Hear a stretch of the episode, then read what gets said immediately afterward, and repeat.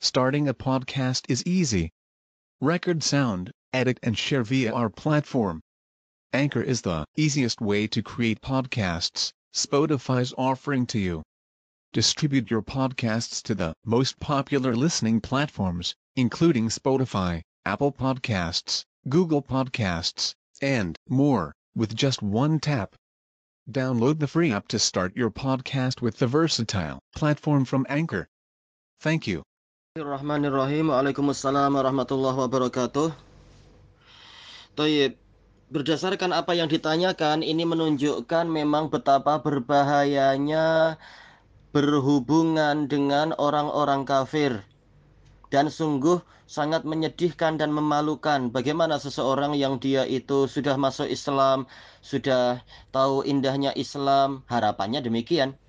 Ternyata disebabkan oleh hubungan dengan orang kafir lalu cinta pada dia kemudian murtad dan kawin dengan orang kafir tersebut. Padahal ini ancamannya sangat berat Allah Subhanahu wa taala telah berfirman, "Wa may yartadid minkum an dinihi fayamut wa huwa kafir, faulaika habitat a'maluhum fid dunya wal akhirah, wa ulaika ashabun narihum fiha khalidun." Barang siapa dari kalian yang kafir dari agama Islam, kemudian dia mati dalam keadaan dia kafir, yaitu dia murtad kemudian mati dalam keadaan kafir maka mereka itu gugurlah amalan mereka di dunia dan di akhirat. Dan mereka adalah penghuni neraka dalam keadaan mereka kekal di dalamnya. Tapi di sini Allah memberikan isyarat kalau dia mati dalam keadaan kafir. Maka ini ada isyarat bahwasanya kalau dia mau masuk Islam lagi maka Islamnya diterima sebagaimana yang pernah terjadi di zaman Nabi Muhammad SAW ada uh, sebagian sahabat yang karena disiksa oleh orang kafir lalu dia murtad lagi. Tapi kemudian dia mendapatkan hidayah. Dia dikirimi surat oleh Umar bin Khattab ayat-ayat Allah Ta'ala yang melarang untuk berputus asa dari rahmat Allah. Kemudian dia datang ke hadapan Rasulullah dan masuk Islam lagi dan Islamnya bagus. Maka selama masih ada nafas, maka kesempatan untuk masuk Islam lagi itu masih ada. Tayyib. Dan haram bagi dia untuk menunda-nunda uh, masuk Islam lagi karena masih mengharapkan dunia. Cepat atau lambat dia akan meninggalkan dunia atau dunia yang meninggalkan dia. Tidak ada orang yang kekal di dunia ini.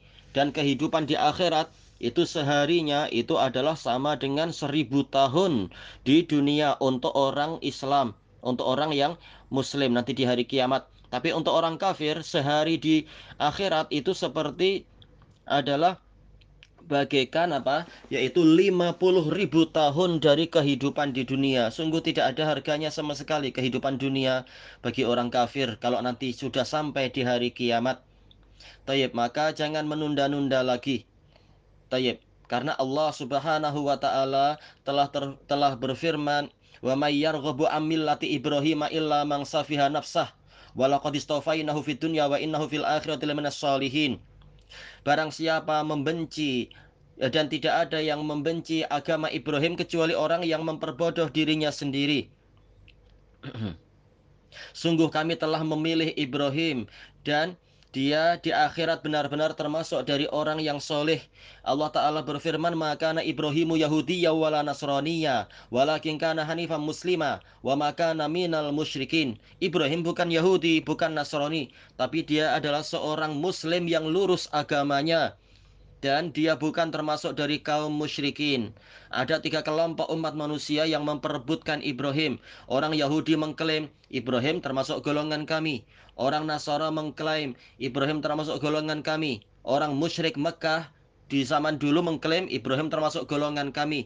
Maka Allah memberikan keputusan Ibrahim bukan dari Yahudi, bukan Nasrani, dan bukan dari musyrik Mekah.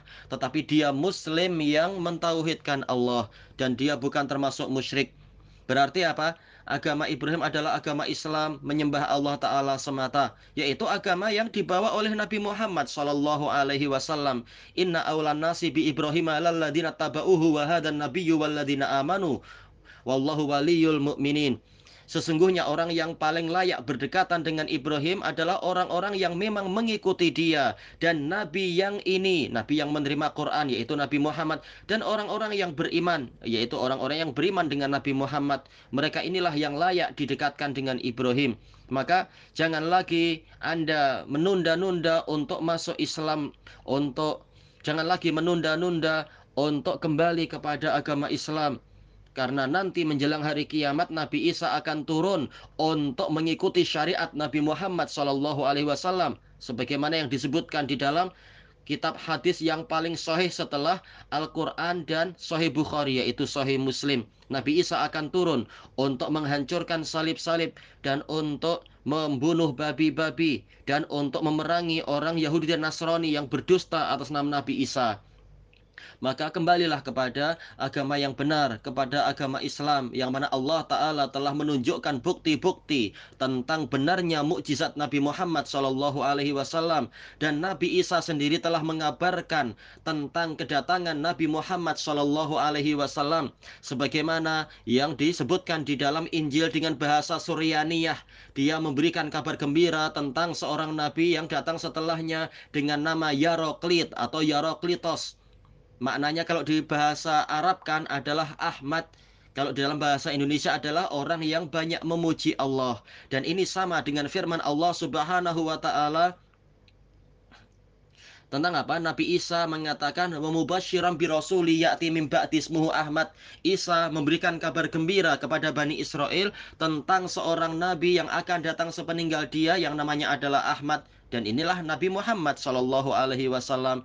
Maka Nabi Isa sendiri adalah seorang Muslim, bukan mengajak Trinity kepada apa? Menyembah diri sendiri atau menyembah Tuhan Ibu ataupun menyembah uh, salib atau menyembah Tuhan Bapa atau menyembah uh, mungkin apa Tuhan Ruhul Kudus tidak. Nabi Isa hanya mengajak untuk menyembah Allah Subhanahu wa taala semata. Tayyib. Maka jangan menunda-nunda lagi kesempatan untuk masuk Islam masih ada, kesempatan untuk taubat kepada Allah masih terbuka selama nafas masih di dalam uh, masih apa? Selama nafas itu masih ada. Adapun kalau pertanyaan ini tadi yaitu seorang muslimah dia terlanjur murtad karena apa? Sudah dibutakan oleh cintanya kepada lelaki Kristen, maka pernikahannya adalah tidak sah kalau dia masih sebagai muslimah, kalau dia murtad, maka para ulama berselisih pendapat tentang masalah ini. Apakah mereka dianggap satu agama atau dianggap lain agama? Tetapi yang pasti adalah apa? Yaitu dia tidak memiliki hak untuk hidup. Kalau di dalam syariat Islam, kalau dia didakwahi untuk kembali ke Islam dan tidak mau kalau di dunia dia tidak mendapatkan hukuman, maka nanti di hadapan Allah dia akan mendapatkan hukuman. Adapun untuk masalah nafkah sehari-hari, dia berhak mendapatkan mendapatkan apa? Nafkah karena dia adalah istri orang itu. Menurut sebagian pendapat yang mengatakan pernikahannya sah karena perempuan ini bukan lagi muslimah, dia ikut agama Kristen, sudah seagama dengan suaminya. Untuk masalah warisan, menurut sebagian pendapat boleh karena agamanya sama yaitu sama-sama agama Kristen. Walaupun dia bukan ahli kitab karena dia masuk agama Kristiannya bukan ketika masih bayi, dia adalah perempuan yang murtadah. Tapi apa? Harta benda di dunia itu tidak ada gunanya ketika di akhirat. Kenapa? Nanti di hari kiamat orang-orang kafir berangan-angan seandainya mereka me Seandainya mereka menebus diri mereka dengan sepenuh bumi emas dan dua kali lipatnya dan, tetap itu tidak diterima dari mereka, maka ini kerugian. Tak perlu menunggu warisan. Tadi dikatakan suaminya mati, tak perlu menunggu warisan dan tak perlu untuk menunggu tentang gaji bulanan, tunjangan bulanan dari suaminya. Tinggalkan itu untuk Allah Ta'ala.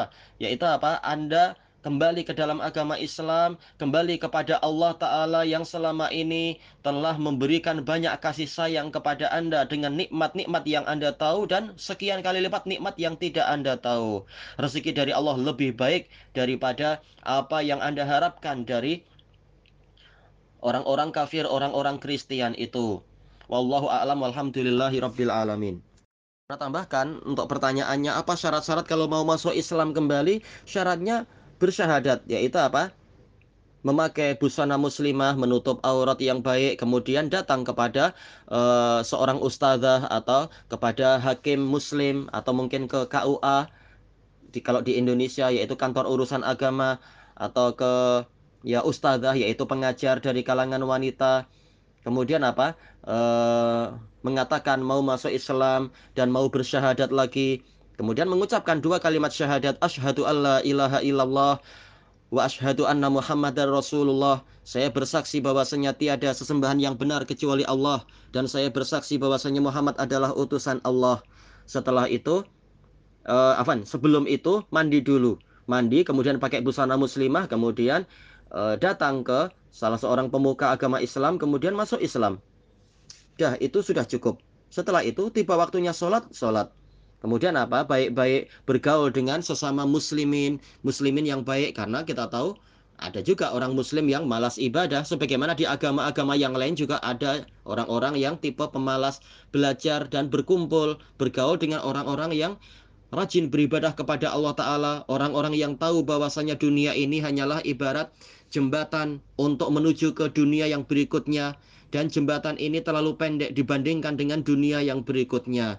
Orang-orang yang tidak dilalaikan oleh perniagaan, tidak dilalaikan oleh kehidupan dunia. Orang-orang yang selalu bersiap-siap untuk menghadap Allah Ta'ala, tahu bahwasanya alam kubur itu sudah menanti.